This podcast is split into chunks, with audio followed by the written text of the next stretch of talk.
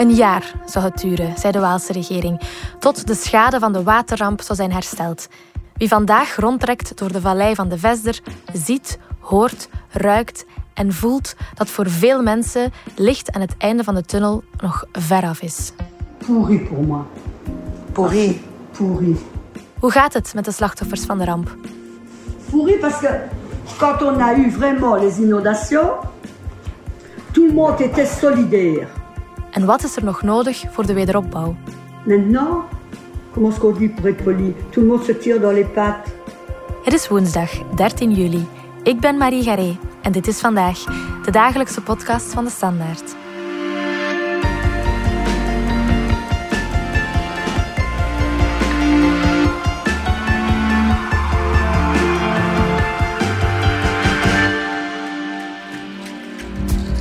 Helene en Jeff van de Binnenlandredactie, jullie zijn al een paar keer naar de getroffen gebieden geweest.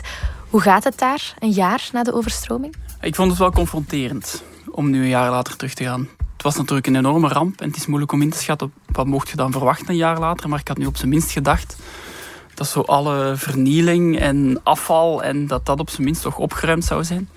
Maar dat was dus absoluut niet zo. Er is toch nog heel veel, uh, heel veel afval en stuk en vuil. Er waren heel veel straten waar huis na huis, in Chauffontein bijvoorbeeld, er gewoon nog bij lag, zoals dat er uh, moet hebben bijgelegen de dag na de overstromingen. Alsof dat er nooit nog iemand uh, nog maar een half uurtje naar omgekeken had met uh, houtpuin tot, tot tegen het plafond. Ik vind het eigenlijk zo moeilijk te geloven dat die rivier zo hoog kwam. Dat is zo een vreedzaam, chill rivierke. En dat is dan zo twee meter hoog gekomen. Ja, dat, dat, vond ik wel confronterend. Ik vraag me af, waar, waar, zijn al die mensen naartoe gegaan? Ik zou het wel niet meer kunnen zo. Moest ik dat hebben meegemaakt hier zo, elke dag die rivier nog horen kabbelen. Ik zou gewoon gek worden van dat kabbel alleen al. Het is echt niet proper verlaten huizen. Huizen die onder de muggen vergeven zitten omdat ze inderdaad nooit opgekuist zijn geweest. In het centrum van Pepinster stinkt het echt nog zoals dat stonk op de dag erna iets minder. Maar zo die schimmel en die modder. Zelfs in de buitenlucht dan? Zelfs buiten. Zelfs in de buitenlucht, ja.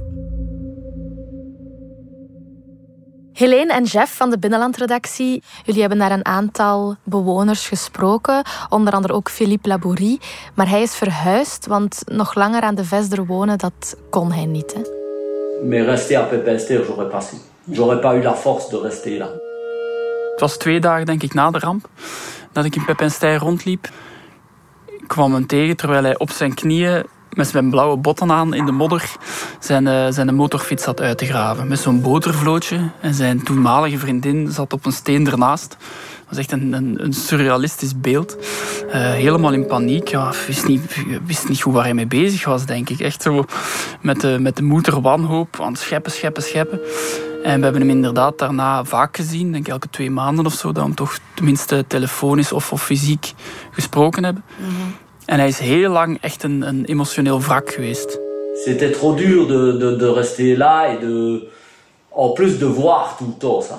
-hmm. Parce que si même je serais resté là, j'aurais vu les dégâts des autres maisons, j'aurais vu, et ça m'aurait tout le temps rappelé ça. Mm. Et euh, c'est pas vivable. Hij sliep niet zonder pillen, ja. uh, hij ging naar een dokter, psycholoog. Ging zat in zo'n klein appartement in Dizon, wat een van de armste gemeentes is van, hij zei gemeentes is van uh, Verviers. Het was echt in een, een en al tristesse toen. En je moet ook wel weten, de reden dat hij niet naar zijn huis teruggaat, het huis was onbewoonbaar. Hè. Het is ook weg. afgebroken. Het is, het is weg. Maar hij zag het niet zitten om het opnieuw op te bouwen. Maar hij zou het inderdaad ook niet kunnen. En hij zei het nu ook. Hij was nu, we hebben hem nu gesproken. Hij was een week geleden nog eens terug moeten gaan naar Pepinster. Want hij moet daar nog van alles afhandelen met de gemeenten over wat er met zijn grond gaat gebeuren en zo. En hij zei, ik ben er een week... Ik heb er een week van afgezien, ik ben er een week niet goed van geweest. Ja. Gewoon van daar terug te komen, van dat terug te zien, al die indrukken. Het kwam allemaal terug.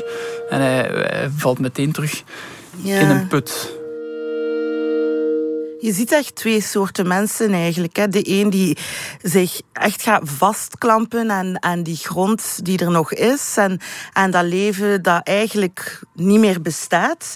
En dan heb je het andere extreem, zoals Labourie, die, die gewoon niet meer daar kunnen zijn. Daar fysiek niet meer kunnen zijn. De schade niet kunnen zien. En vooral het wat we noemden de horror van de kabbelende rivier, dat geluid niet meer kunnen verdragen.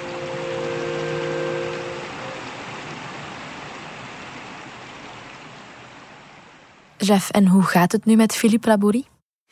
De laatste keer dat we, dat we Philippe bezocht hebben, dat is nu twee weken geleden, vond ik wel dat voor de eerste keer in al die maanden wat beter met hem ging. Ehm, hij is altijd een emotioneel wrak geweest. Hij zat altijd binnen. De tv stond daar de hele dag op. Andere keren dat ik daar kwam, dan zat hij altijd naar motorrijden te kijken. Terwijl het buiten mooi weer was. En nu kwamen we eraan en hij, stond, uh, hij had een short aan en hij stond bomen om te zagen. En hij was heel enthousiast, want die bomen moesten weg, want dan konden ze barbecuen en dan konden die bomen niet meer in brand vliegen. En dan zou er meer licht binnenvallen in zijn huis. En hij had ook een, uh, een die moto waarover ik vertelde, die hij de eerste keer dat ik hem zag aan het uitgraven was uit de modder. Die heeft hij nu eindelijk helemaal hersteld gekregen. Hij heeft alle wisselstukken gevonden die nodig waren en die staat nu te blinken in zijn garage. En hij had nog een tweede moto gekocht waarmee hij met vrienden samen toertjes gaat rijden en terrasjes gaat doen. En binnen twee weken ging hij op vakantie naar Lorette de Maar. Eh, dus om maar te zeggen, eh, als er een positief verhaal is, die verhalen zijn er ook. Mensen die na heel diep hebben gezeten, en hij zit nog altijd op sommige momenten heel diep, maar je voelt zo wel dat die veerkracht terugkomt en dat ze zo hun leven wel beginnen, opnieuw beginnen op te bouwen. Dat was wel heel mooi om te zien.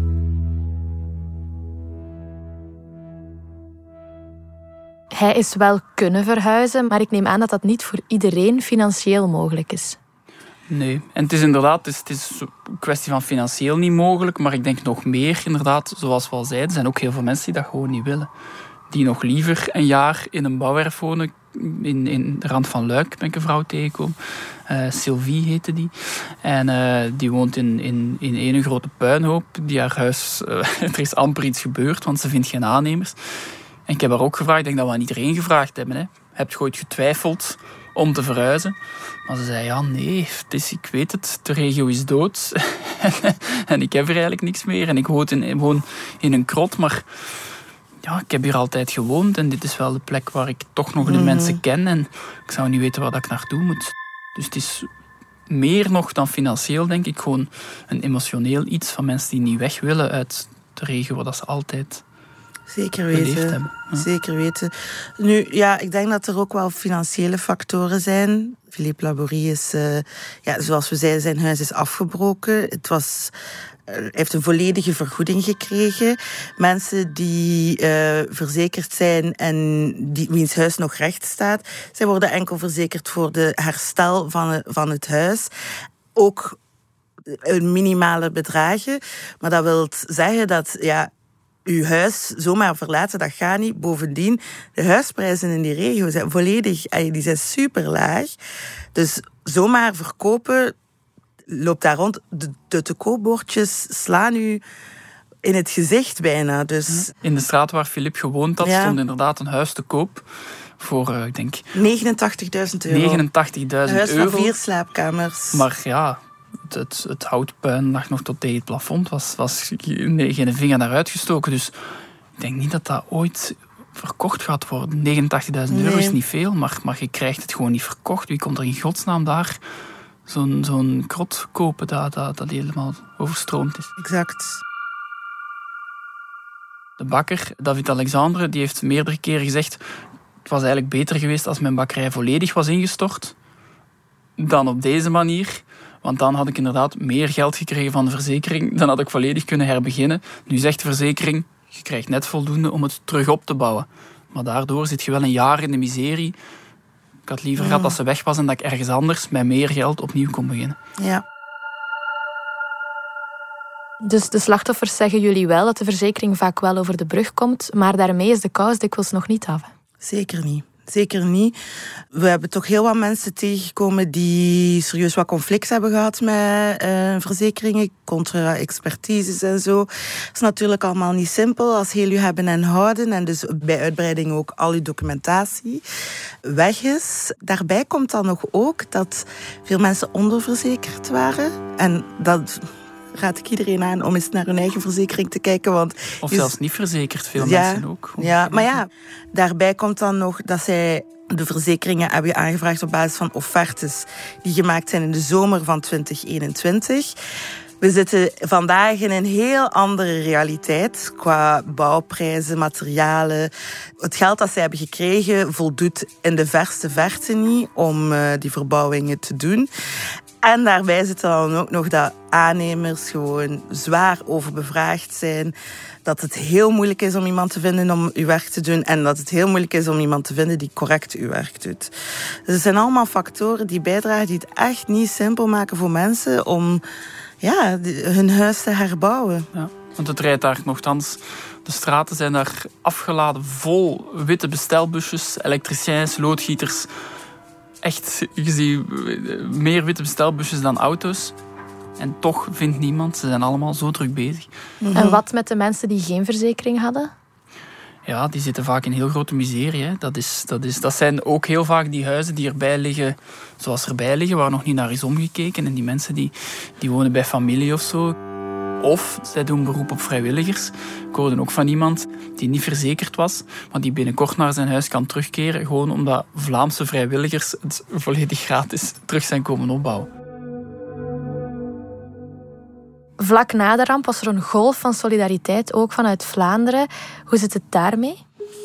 Ja, is uh, nog steeds uh, zeer aanwezig. Ik was er echt van verschoten. Er zijn dus groepen, onder andere Team Eclair, die nog steeds elke zaterdag aan groep naar daar trekken om serieus werk te gaan doen in de huizen van de mensen daar, die ja, met zichzelf geen... Uh, geen blijf weten. Zij zijn niet de enige. Er zijn uh, nog steeds veel andere groepen aanwezig ja, mensen die hun vakanties, al hun vrije tijd hebben opgeofferd en die daar nog steeds zitten. Ik vind dat, ja, ik, ik kan mij niet inbeelden. En wat met het sociale leven in die dorpen? Is dat daar helemaal dood? Het varieert van dorp tot dorp, maar in veel dorpen wel. In Peppenstijr, mm daar in dat gehucht aan de rand van Luik waar ik geweest ben, zei iedereen, ja, het is hier dood. In Peppenstijr viel dat heel erg op. Er was daar een stoffenwinkel ja. die na de ramp heropend was. Dus daar toch wel wat geld in geïnvesteerd om terug open te kunnen gaan. Maar nu was daar uitverkoop, omdat er gewoon geen mensen meer komen. En dus gaat ze alsnog sluiten. En je mhm. merkte het ook gewoon in de straten. Daar, daar was niemand. Dat is verlaten. Dat is er hangt ook omwille van die geur van schimmel en modder. En er is nog veel vernieling te zien. En ik kan me voorstellen, daar hangt zo'n tristesse dat veel mensen mm. uit de buurt die vroeger graag eens kwamen winkelen in Pep en Ster, dat ze dat vermijden. Het is wel een beetje dubbel, want bijvoorbeeld Pipestijr en Verviers bijvoorbeeld ook, die zijn rijk geworden in de tijd door de katoenindustrie. Maar die regio is al lang volledig in elkaar economisch aan het stuiken. Al die fabrieken gaan weg. Er komt niet echt iets in de plaats. Het is niet dat dat al de meest gezellige sfeer was. En dat komt er dan nog eens bovenop. Maar je merkt inderdaad wel in de misschien mooiere gemeenten van de regio. Ja. Teu of Durbuy is ook zo'n voorbeeld dat vaak aangehaald wordt, waar veel meer toeristen komen ook. Daar merk je dat het sneller gaat. En hoe komt dat? In Teu zei een van de een uitbaatster van een restaurant zei mij dat het voor het gemeentebestuur echt een prioriteit was geweest om ervoor te zorgen dat op zijn minst dat centrale plein mm. met die horeca dat dat er heel snel terug goed ging uitzien. Dat die terrassen terug uit konden, zodat er terug mensen naar Teu zouden willen komen, dat er toeristen terug zouden komen. Teu was ook eh, van de eerste plaatsen waar een pizzeria op de Grote Markt terug, terug open ging, heel snel. Het is moeilijk om, om die inschatting te maken, maar ik kan me voorstellen dat ergens wel wel meespeelt. En nu zei die uitbater van de rest, restaurant inderdaad, in tegenstelling tot in Pepin Ster, dat de mensen terugkwamen, zoals Duitsers, Fransen, Vlamingen, kwamen terug naar Teu op bezoek. Ja, er zit meer veerkracht daar dan in Pepin Ster of in Troos. Of, ja. Uh, ja. Je spreekt over veerkracht, Helene. Is er dan geen veerkracht in dorpjes als Pepin Ster te vinden? Ik weet niet, ik vind eh, de mensen van die regio, ik vind dat heel charmante mensen. Het zijn mensen die hebben, eh, weet je, de hart op de tong, spreken heel eerlijk, heel frank en vrij. Maar je merkt, er is veel frustratie naar de eigen buren toe. Vooral ten opzichte van mensen die hoger gelegen wonen, vaak iets financieel beter hebben en die niet echt in die solidariteitsschoof zijn meegegaan. Dat is al van in het begin duidelijk dat er daar frustratie over was. En dat heeft zich eigenlijk alleen nog maar verder gezet. Ik denk dat de mensen, les sinistrés zoals ze genoemd worden, zich heel eenzaam voelen. En dat dat leidt tot nijd en frustratie en jaloezie. Onder andere Christian Matonet dat is een vrouw die aan de kade woont in Pépester. Beschreef het echt als het is hier verrot. Pourri pour moi. Pourri? Pourri.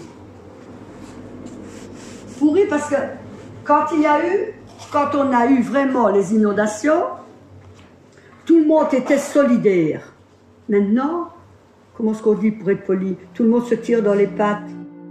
Het is gelijk een speelplaats waar alle kindjes naar elkaar zitten te wijzen en te klikken tegen de juffrouw. Hè, van, ah, de die heeft dat gekregen en ik heb dat niet gekregen. En de die heeft zoveel vrijwilligers gehad en ik heb dat niet gehad. En ja, het is spijtig om te zien hoe dat die solidariteit van in het begin eigenlijk ehm, niet meer bestaat. Buiten dan van vrijwilligers die van buitenaf komen. Een heel nare, nare sfeer. We gaan er even uit voor een korte boodschap. Mensen zijn onvolmaakte wezens. Iedereen heeft wel eens met zijn geweten geworsteld. Schuld. Je voelt je zo schuldig. Dat ik heel hard aan het werk was. Hun het gevoel van onveiligheid hebben bezorgd. Zij zorg om mij hebben gehad. Het is dat pijnlijke gevoel. Ik was gewoon schuldig. Wanneer je beseft dat je verkeerd gehandeld hebt. Had ik maar. Dan had zij waarschijnlijk gewoon nog geleefd. Mijn schuld. Mijn schuld. Een nieuwe podcast van NRC en De Standaard. Nu te beluisteren in alle podcast-apps. Je hebt daar geen abonnement voor nodig en het is gratis.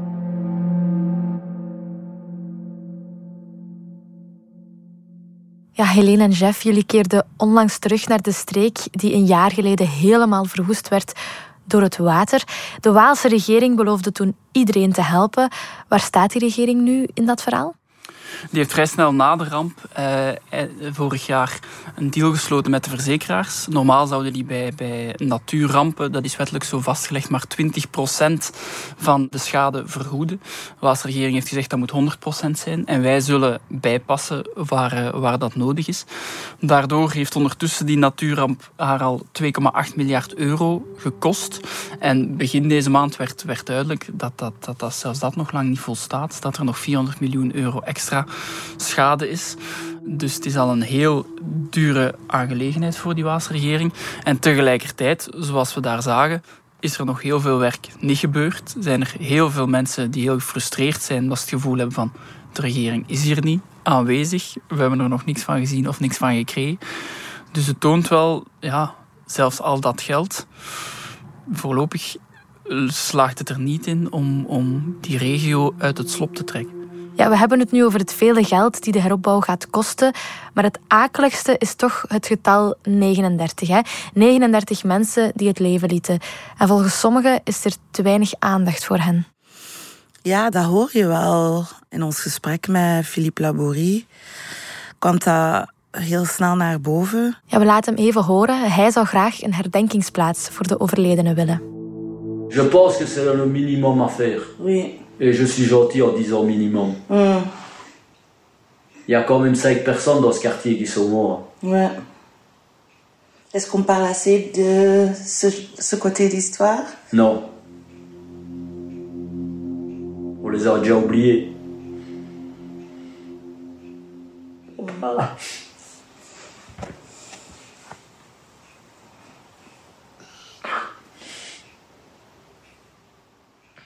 Je voyais ces personnes-là tous les jours.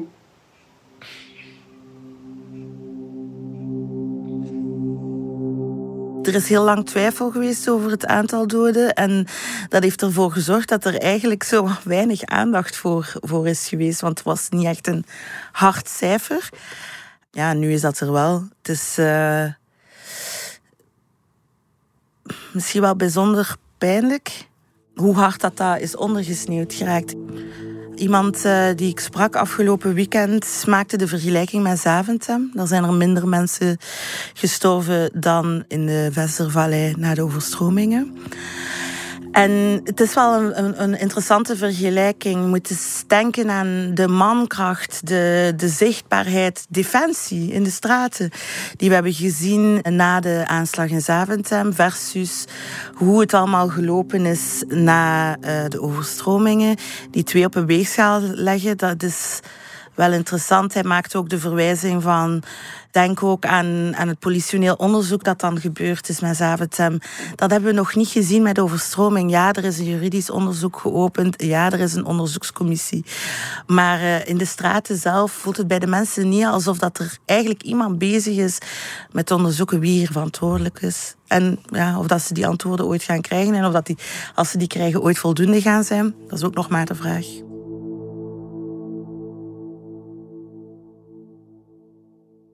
En wat zijn de plannen van de Waalse regering om zo'n ramp in de toekomst dan te vermijden? Die zijn nog volop in ontwikkeling. Er was een uh, commissaris voor de heropbouw aangesteld. Die heeft nu een, een document van dik 100 pagina's klaar met 15 aanbevelingen om inderdaad voor een deel ook de reactie op rampen in de toekomst beter te stroomlijnen. Dat gaat over het voorzien van woningen en plaatsen waar slachtoffers opgevangen kunnen worden. Het voorzien van terreinen waar afval en puin opgeslagen kunnen worden. Dat zijn zaken waar, natuurlijk niemand tegen kan zijn. Ook administratieve stroomleidingen en dergelijke. Maar de allergrootste uitdaging, de belangrijkste vraag waar een antwoord op gevonden zou moeten worden, is waar kunnen we nog wonen en waar en waar niet meer. Dat wordt een politiek heel heikel punt. Er zijn nu twee, zijn twee grote plannen aan het opmaken.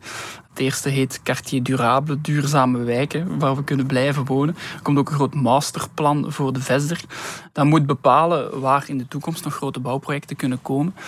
Maar dat betekent dus ook in die kleine gemeenten die nu getroffen zijn, bepalen wie zijn huis mag nog heropgebouwd worden en van wie niet. En in mhm. welke, bijvoorbeeld de grond van Philippe Labourie.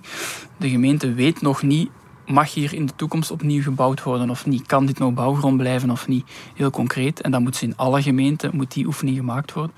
En dat wordt heel moeilijk, want als de kaarten zeggen hier mag niet meer gebouwd worden, dit risico is te groot. Ga er als burgemeester maar eens aan staan om dat aan uw bewoners te vertellen, die daar jaren gewoond hebben, dat hele wijken, hele delen van uw gemeente leeg moeten blijven. Ik denk dat er inderdaad vooral heel veel mensen nu in een afwachtende positie zitten al die huizen die er nog bij liggen, zoals de dag na de ramp. Ik denk dat dat heel veel mensen zijn die nog geen zekerheid hebben over, ja, gaat hier nog gewoond mogen worden? En zolang daar geen duidelijkheid over is, gebeurt er niks en blijft dat er allemaal leeg. Wallonië heeft dus een draaiboek klaar. Is Vlaanderen daar ook mee bezig? Ja, eh, de Vlaamse regering heeft heel snel na die ramp in Wallonië een, eh, een simulatie gemaakt van wat als diezelfde ramp ook hier in Vlaanderen gebeurt. Vlaanderen is natuurlijk vlakker. Zo die vallei van de Vesder, hoe hoog het water daar is gekomen, zo'n vaart zal het waarschijnlijk in Vlaanderen nooit lopen. Maar toch kwamen ze tot de conclusie Zo'n waterbom kan tot 2 miljard euro schade en 100.000 uh, slachtoffers eisen. Dus mensen wiens eigendom aangetast wordt door het water. En er is dan ook vrij snel een, een expertenpanel aangesteld onder leiding van een Nederlandse waterexpert die ook nog voor Obama gewerkt heeft. En die zouden nu nog deze zomer ook met een aantal concrete aanbevelingen komen. Het is nog een beetje onduidelijk welke richting die gaan uitgaan.